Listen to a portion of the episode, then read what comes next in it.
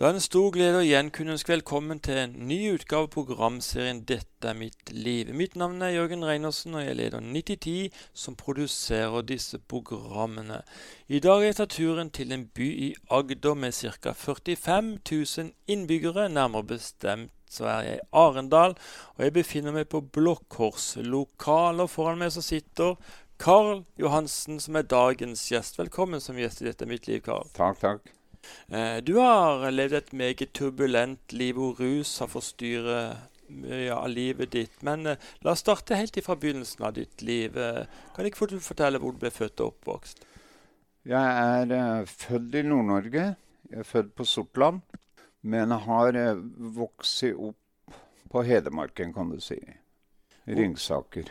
Ringsaker kommune, ja. Hvordan var oppveksten din? Nei, den var ganske grei, da. Jeg har eh, Den gangen jeg gikk, så var det bare sju års vanlig folkeskole. Ja.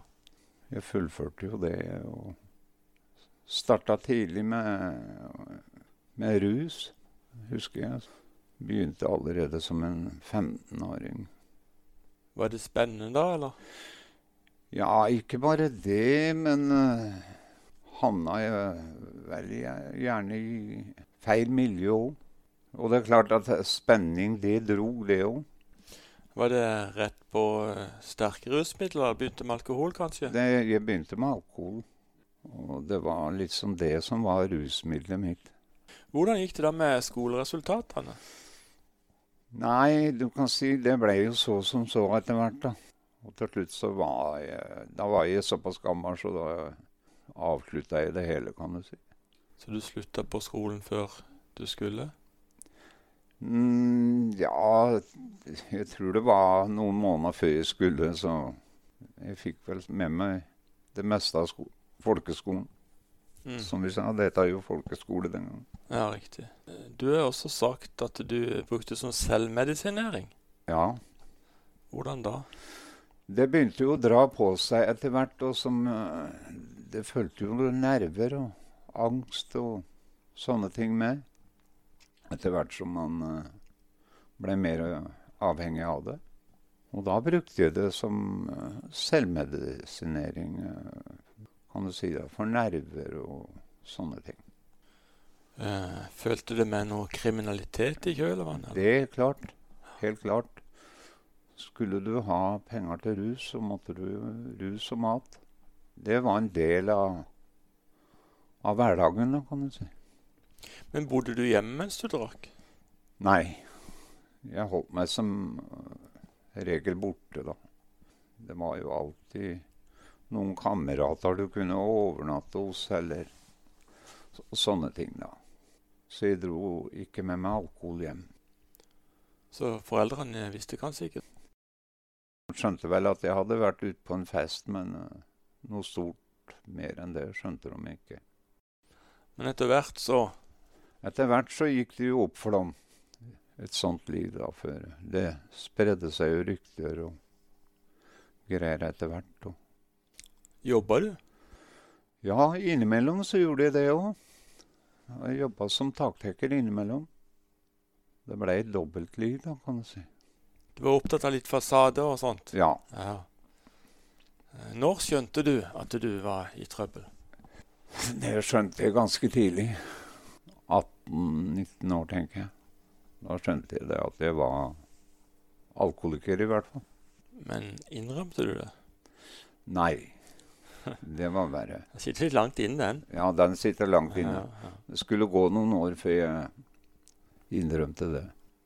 Nei, jeg var god til helse og sånne ting, så nei den eh, stoltheten, den uh, sa noe langt annet enn at jeg skulle innrømme det.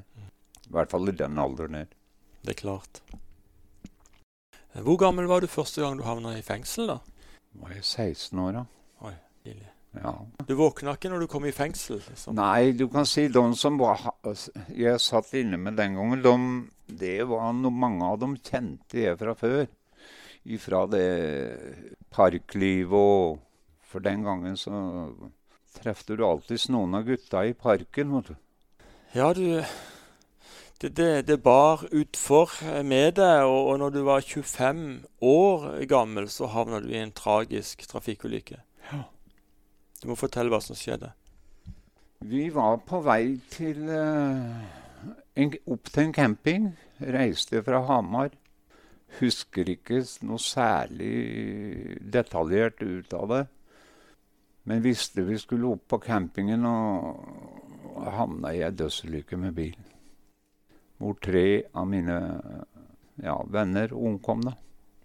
Vakna opp på sjukehuset og ja, Jeg, jeg veit vel ikke noe sånn veldig Husker ikke så veldig mye ut av det. Annet enn at jeg kom meg hjem og hadde skrevet meg ut på eget ansvar og, og greier. Jeg husker vel ikke så mye av. Dere var fire i bilen. Ja. Tre av de omkom. Du Ja. overlevde. Ja. Hva tenkte du? Nei, jeg tenkte Første seks månedene så Jeg hadde jo knust uh, bein i kroppen og ja, mange ødelagt i, i kroppen, da, kan du si. Og da hadde jeg vel nok med å Levde i et smertehelvete.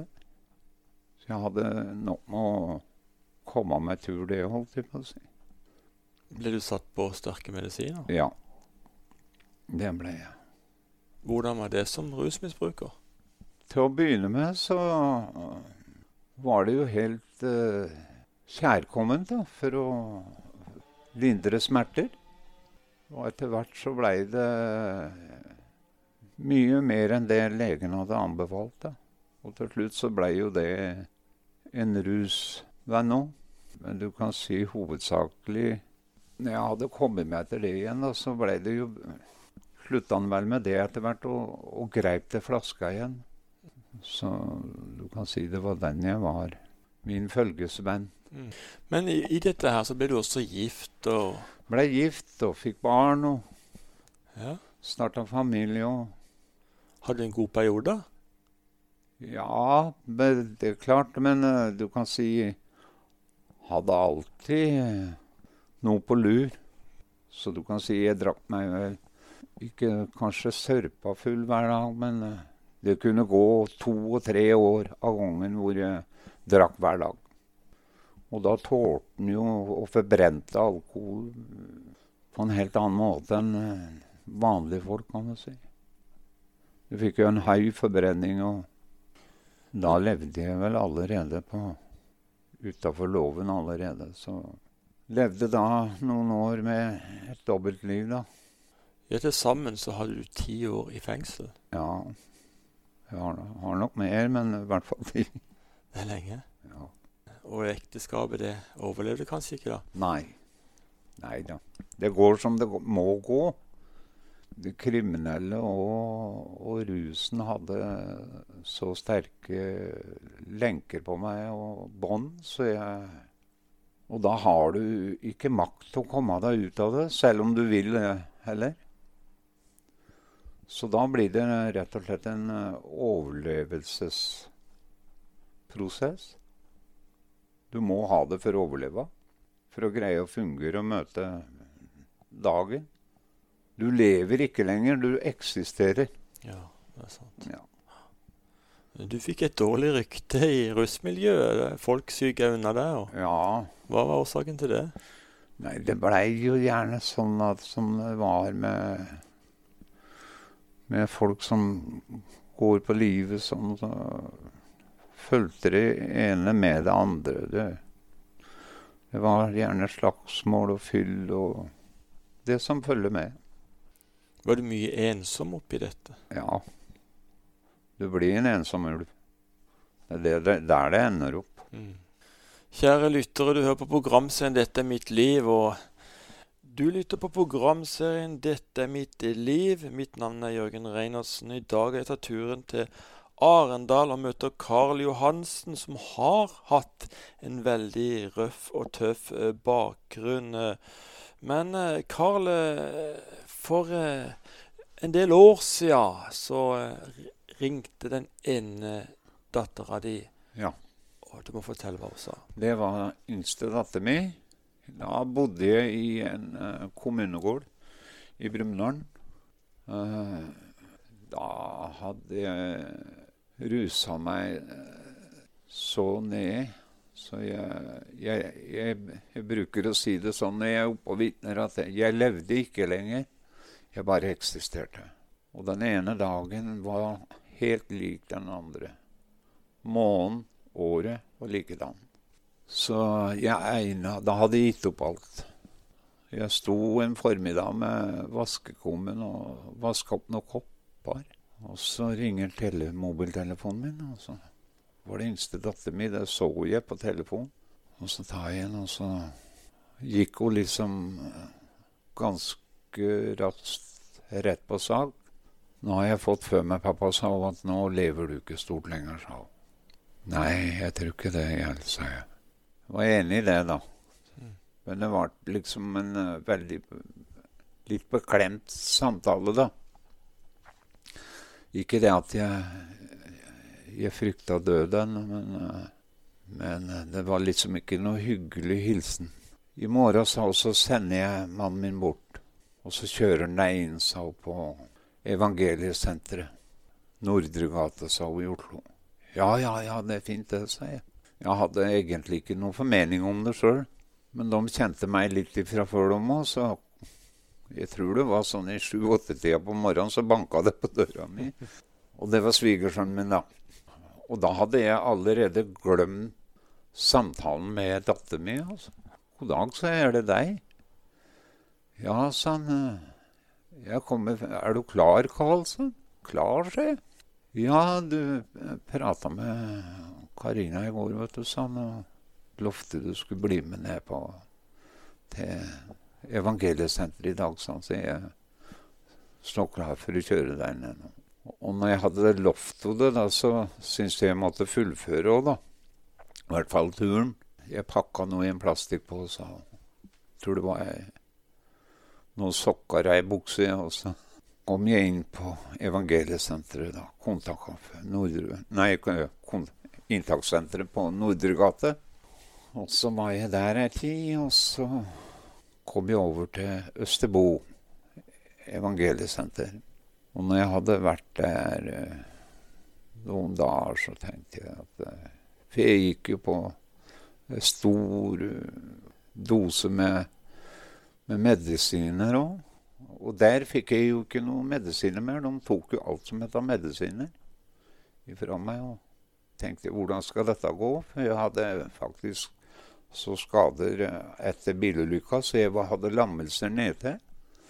Og så ble, kom jeg opp på en avdeling eh, i lag med de andre gutta da. Men det merkelige er liksom eh, Når du kommer i, inn på et evangeliesenter, og samme hvor langt nede du er, og, og, hvor dårlig du har det, så er det alltid noen som har hatt det verre. Og, eh, og jeg husker jeg sto opp en morgen der og, og skulle drikke kaffe. Og Da var det bare så vidt jeg kom meg ut døra der for å sette meg ute der og drikke kaffe. Så, så sitter jeg der og, og prater med vaktmesteren. Det òg var en tidligere gutt da, som hadde levd livet. Og så Han var svensk, og så sier han til meg at jeg hadde ikke fått med meg at det var søndag heller. Så sier han til meg at Karl, hvorfor går du ikke ned sånn i i kirka? Sånn? Det er nadværsmøte der nå, sånn. Og så ber de til å, får de til å be for deg, sånn, så Jesus får hela deg, han. Ja ja, tenkte jeg. Han er bare svensk, tenkte jeg. Ja, det hadde jo vært fint, det, sa jeg. Og jeg hadde ikke noe tro for det. Men da begynte det å melde seg eh, så store smerter, så jeg gikk meg en liten runde, og så tenkte jeg, jeg, jeg har prøvd så mye rart, jeg kan da prøve det og da, tenkte jeg. Så jeg går ned dit og, og blir med på nadværsmøtet og, og bøye kneet der. Og, og, han som hadde møtet, han husker han var vel same, han heter Yngve Sur. Og så ba jeg han til å be for meg, da. Og han la hendene på meg og ba en veldig kort bønn. Og jeg trodde han skulle be sånn lang, flott bønn, men det var bare ei kort, fin bønn, og så i Jesu navn, sa han.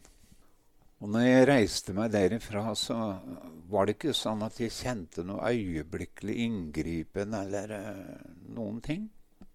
Det var bare det at fra den dag av så var jeg frisk. Mm.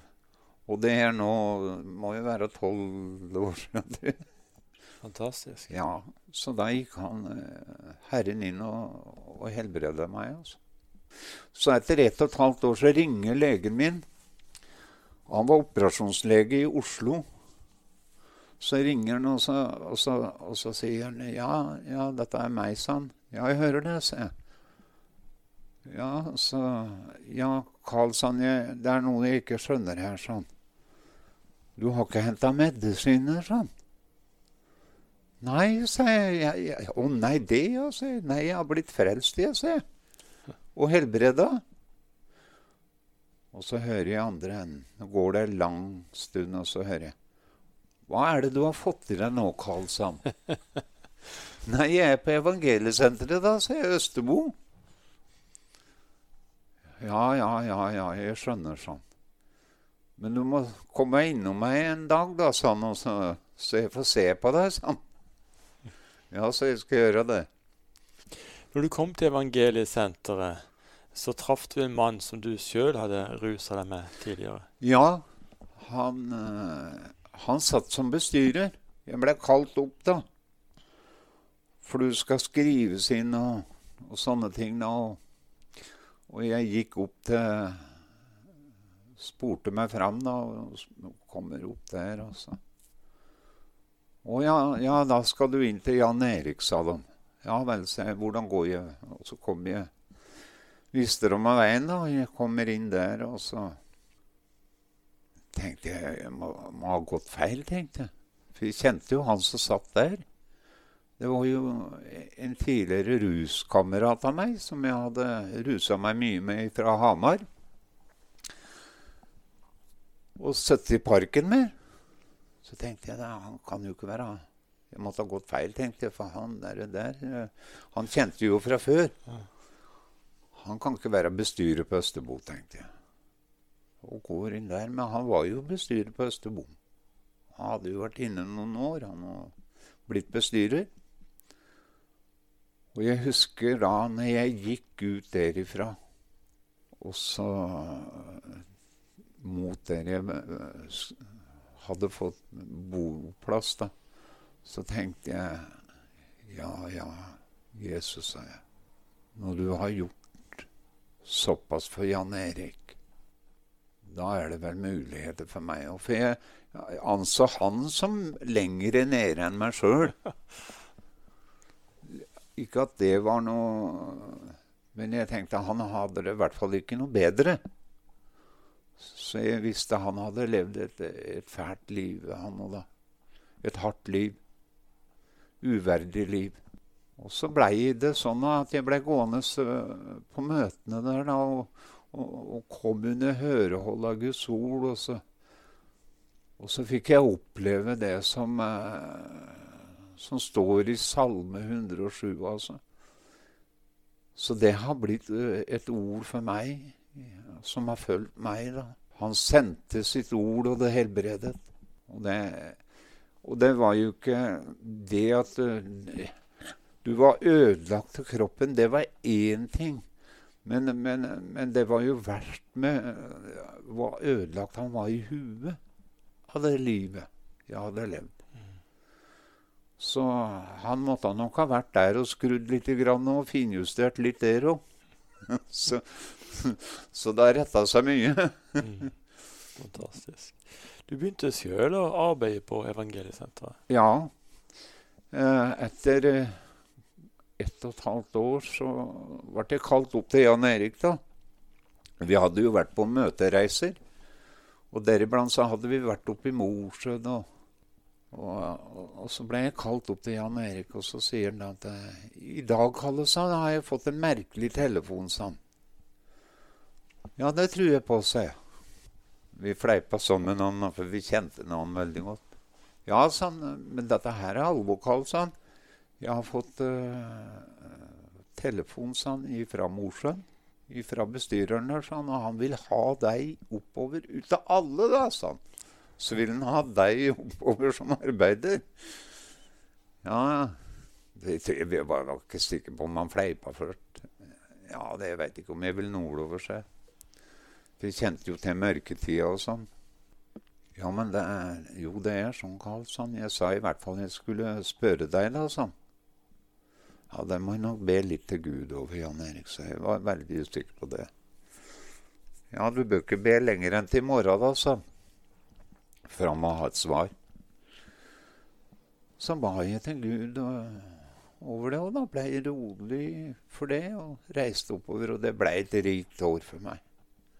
Ja, fikk være med deg på møter og, og tjene Gud på evangeliesenteret som miljøarbeider der. Fantastisk. Ja. Gud åpner dører. Han åpner dører. Ja. Eh, du flytta etter hvert her til Arendal, og du ble med i noe som heter Evangeliesenterkontakten her. Ja. Hvordan starta det? Jeg kom hit til Arendal, og så visste jeg det var kontaktkaffe her. For jeg hadde vært med på innsettelsen av første bestyreren her. For da var vi her på Sørlandet med med folk fra Evangeliesenteret på møtetur. Vi hadde vært helt ned til Sandnes. Og så på vei oppover så kom vi innom uh, Philadelphia, Arendal. Og der han, var det innsettelse av han som bestyrer her. da. Så jeg visste det var kontaktkaffe her, og var nysgjerrig på det, da. For det var jo ganske nytt i sentersammenheng den gangen. Og reiser hit ned og tar en kopp kaffe. og det blei litt sang og prat, og, og siden har jeg vært her. Mm. det blei bare sånn, og nå bor jeg her. Så jeg bor på Jobber jo på Evangeliesenteret, begge kontaktkafeene, da. For det gikk et år, og så åpna Eller for et år siden så åpna vi en ny en i Grimstad. Kontaktkaffe der. Og så begynte jeg å jobbe i Blå Kors, da, for dette er jo Blå Kors-bygget. Og så etter hvert da, så flytta jeg inn i leilighet helt øverst her, så jeg er òg vaktmester her, da. Mm. Mange jern ilden. Mange jern ilden, og det takker jeg Gud for.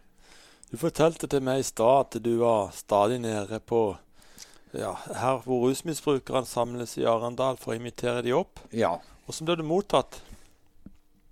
Det blir veldig godt mottatt. De veit jo at uh, De kjenner jo det gamle livet mitt, og mange, noen kjenner meg fra det gamle livet. Blir det sånn at uh, jeg får uh, en fot innafor der kanskje mye lettere enn alle andre. Ikke sånn at jeg har Jeg oppsøker dem, men jeg har ikke samfunn med dem lenger. Men jeg ber dem opp på mat og deler ut matposer, deler ut klær. Inn, og rett som det så sender vi noen inn på evangeliesenteret. Så det er eh, jobben min, og da blir jeg lykkelig for hver en jeg får inn mm. på senter. Så, for jeg veit det fins en vei ut av det. Mm. Bare de kommer seg inn og å bli frelst og få begynne et nytt liv, så er det som det mottoet som står i 'Ennå er det håp', altså. Hvis det skulle sitte noen der ute som sliter med rus, og nå har de hørt din historie om at det faktisk det nytter, og du traff en, Jan Erik, som, som, som, ga deg inspirasjon. Kanskje de kjenner at nå har jeg fått inspirasjon til å ta tak i mitt liv. Hva vil du si til det? Ja, har du ikke inspirasjon, så rop på Jesus. Han har en vei ut av det. Evangeliesenteret er et alternativ i rusomsorgen. Ta kontakt. Ring 930 00 173. Så er vi der. Det er ikke noe spesielt lang ventetid eller noen ting. Og det gjelder bare gutter og jenter. Og der inne så er det skoler. Det er bibelskole, det er snekker, og, og det er kokk. Helse og sosial. Du kommer ut av rusen, får et nytt liv, et verdig liv. Jeg har alt jeg trenger i dag sjøl. Jeg, jeg, er nøkter. Jeg er frelst. Jeg har mat på bordet. Jeg har ei god, varm seng. Og jeg har, eh, lever et liv uh, uten rus. Jeg har ikke frykt lenger. Jeg kan møte morgendagen uten frykt. Jesus har snudd helt opp ned på, på livet mitt. Det er vidunderlig. Det er programserien 'Dette er mitt liv' du hører på. Mitt navn er Jørgen Reinersen og sitter her med Karl Johansen på kontaktsenteret til Evangeliesenteret i Arendal. Og Karl, du har delt veldig åpenhjertig om ditt liv. Du kom til deg sjøl, som det står i Lukas 15, ja. og eh, du ble en oppreist mann. Eh, hvordan reagerte familien? Nei, det gikk en liten tid skjønte jeg da, og jeg skjønte dem godt. Men jeg uh, fikk opparbeide tillit, og i dag så er det helt, helt normalt sånn som det skal være. Så i dag blir jeg mottatt, og takk og all ære til Jesus. Så jeg har ikke noe å rose meg av sjøl, men jeg må bare gi all ære til Jesus. Måtte du be ham om tilgivelse? Ja, noen plasser så har jeg gjort det. Men jeg kan ikke eh, si at jeg kan springe rundt overalt og be om tilgivelse. Men eh, når Herren minner meg på det, så gjør jeg det. Mm. Begge døtrene dine er kristne nå? Ja, de er kristne. Begge svigersønner. Barnebarn. Du er en rik mann? Ja, jeg er rik. Ja da. Jeg er rik.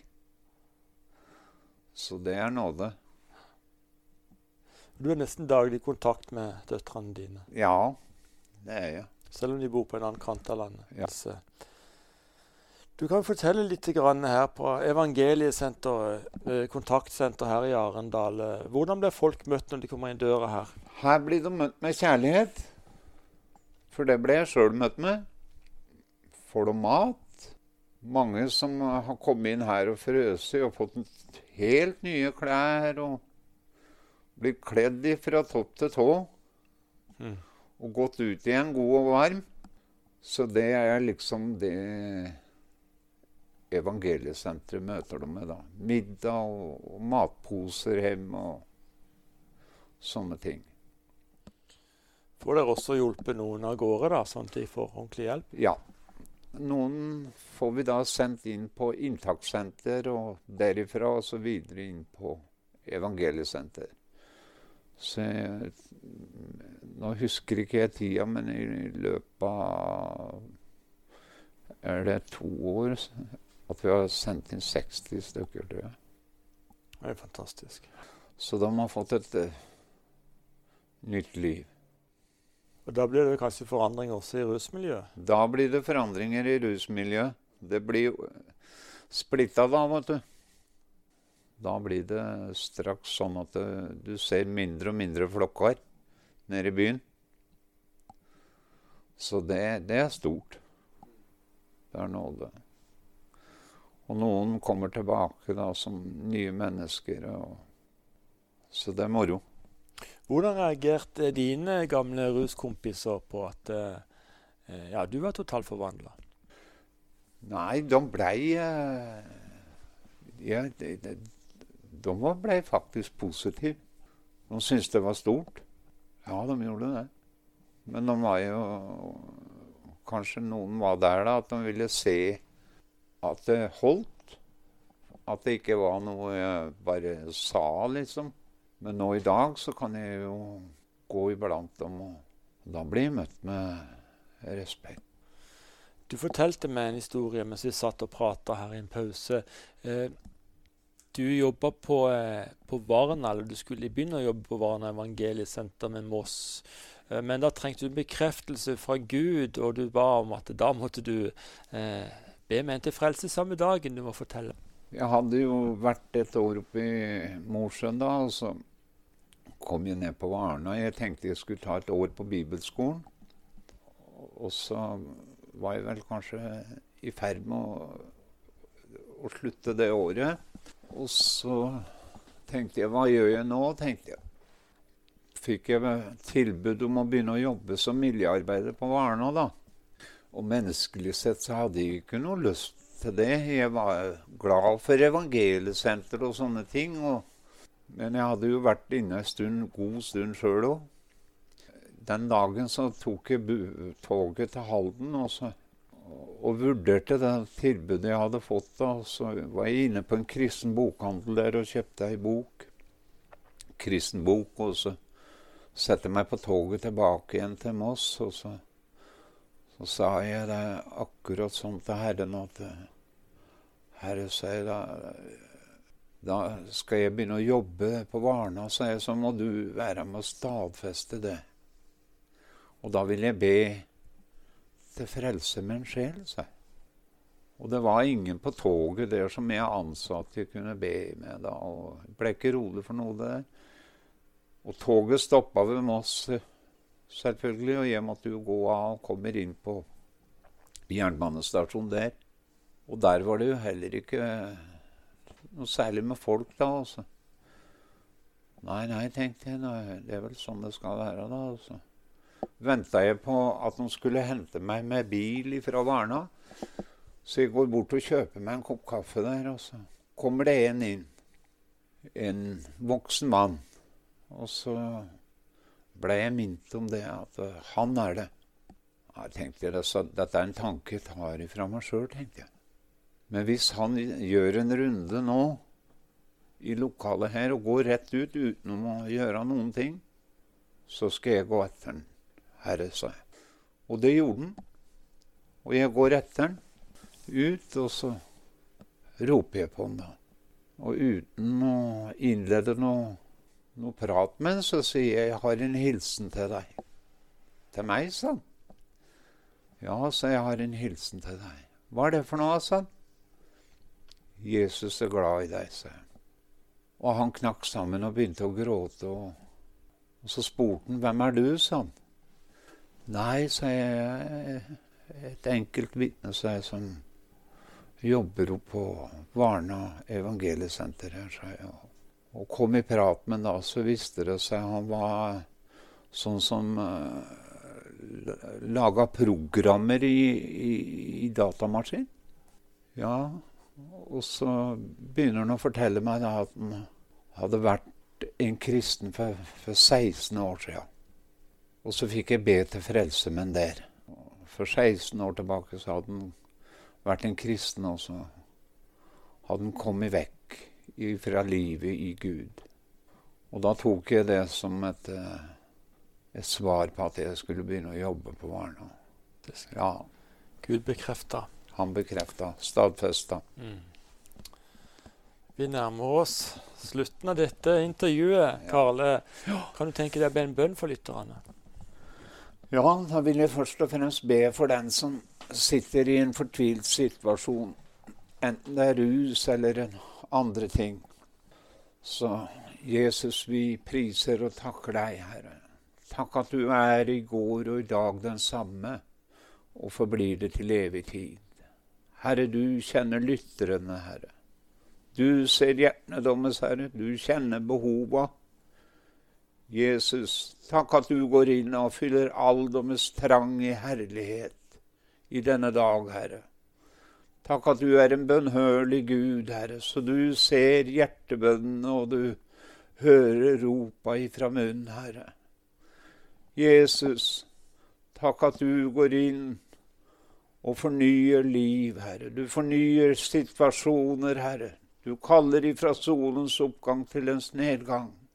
Vi bare priser og lover deg, Herre. For du er den du har sagt deg være, Jesus. Et av dine navn er under. Å, Herre, du ser alle de som lytter på og trenger et under i sitt liv, Herre. Takk at du går inn og gjør det virkelig, Herre. Vi bare priser og lover deg denne dag, Herre. Takk at du, Jesus, tar hånd om oss, Herre, som sitter her med radioen i dag, Jesus.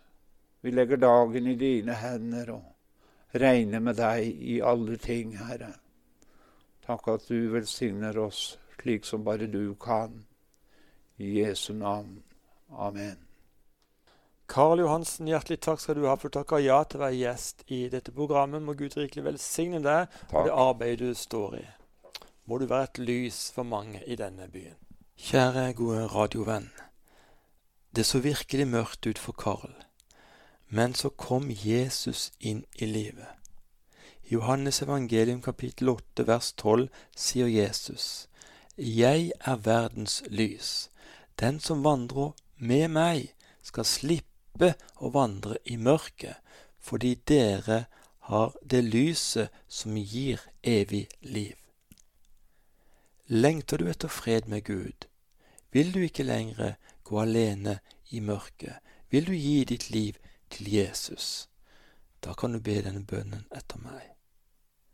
Jesus, jeg kommer til deg nå slik som jeg er. Tilgi meg for mine synder.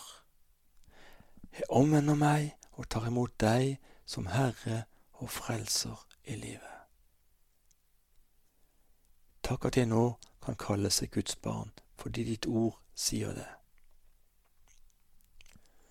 Ta veldig gjerne kontakt med oss, du som ba denne bønnen, slik at vi kan sende deg en gratis bokpakke. Du finner meg, Jørgen Reinersen, på Facebook, eller du kan gå inn på vår hjemmeside 9010.no for å finne kontaktinfo. Dette staves slik n-i-t-t-i-e0.no. Her finnes også flere tidligere episoder i denne serien, samt en del videoer fra våre arrangementer. Neste uke er vi på lufta igjen på denne kanalen med en ny gjest eller to. Inviter gjerne noen på en kopp kaffe til denne anledningen. Og husk, kjære lytter, du er høyt elsket av Gud. Du er unik. Det finnes bare én som deg. Vi takker for i dag og ønsker deg det beste av alt Guds velsignelse.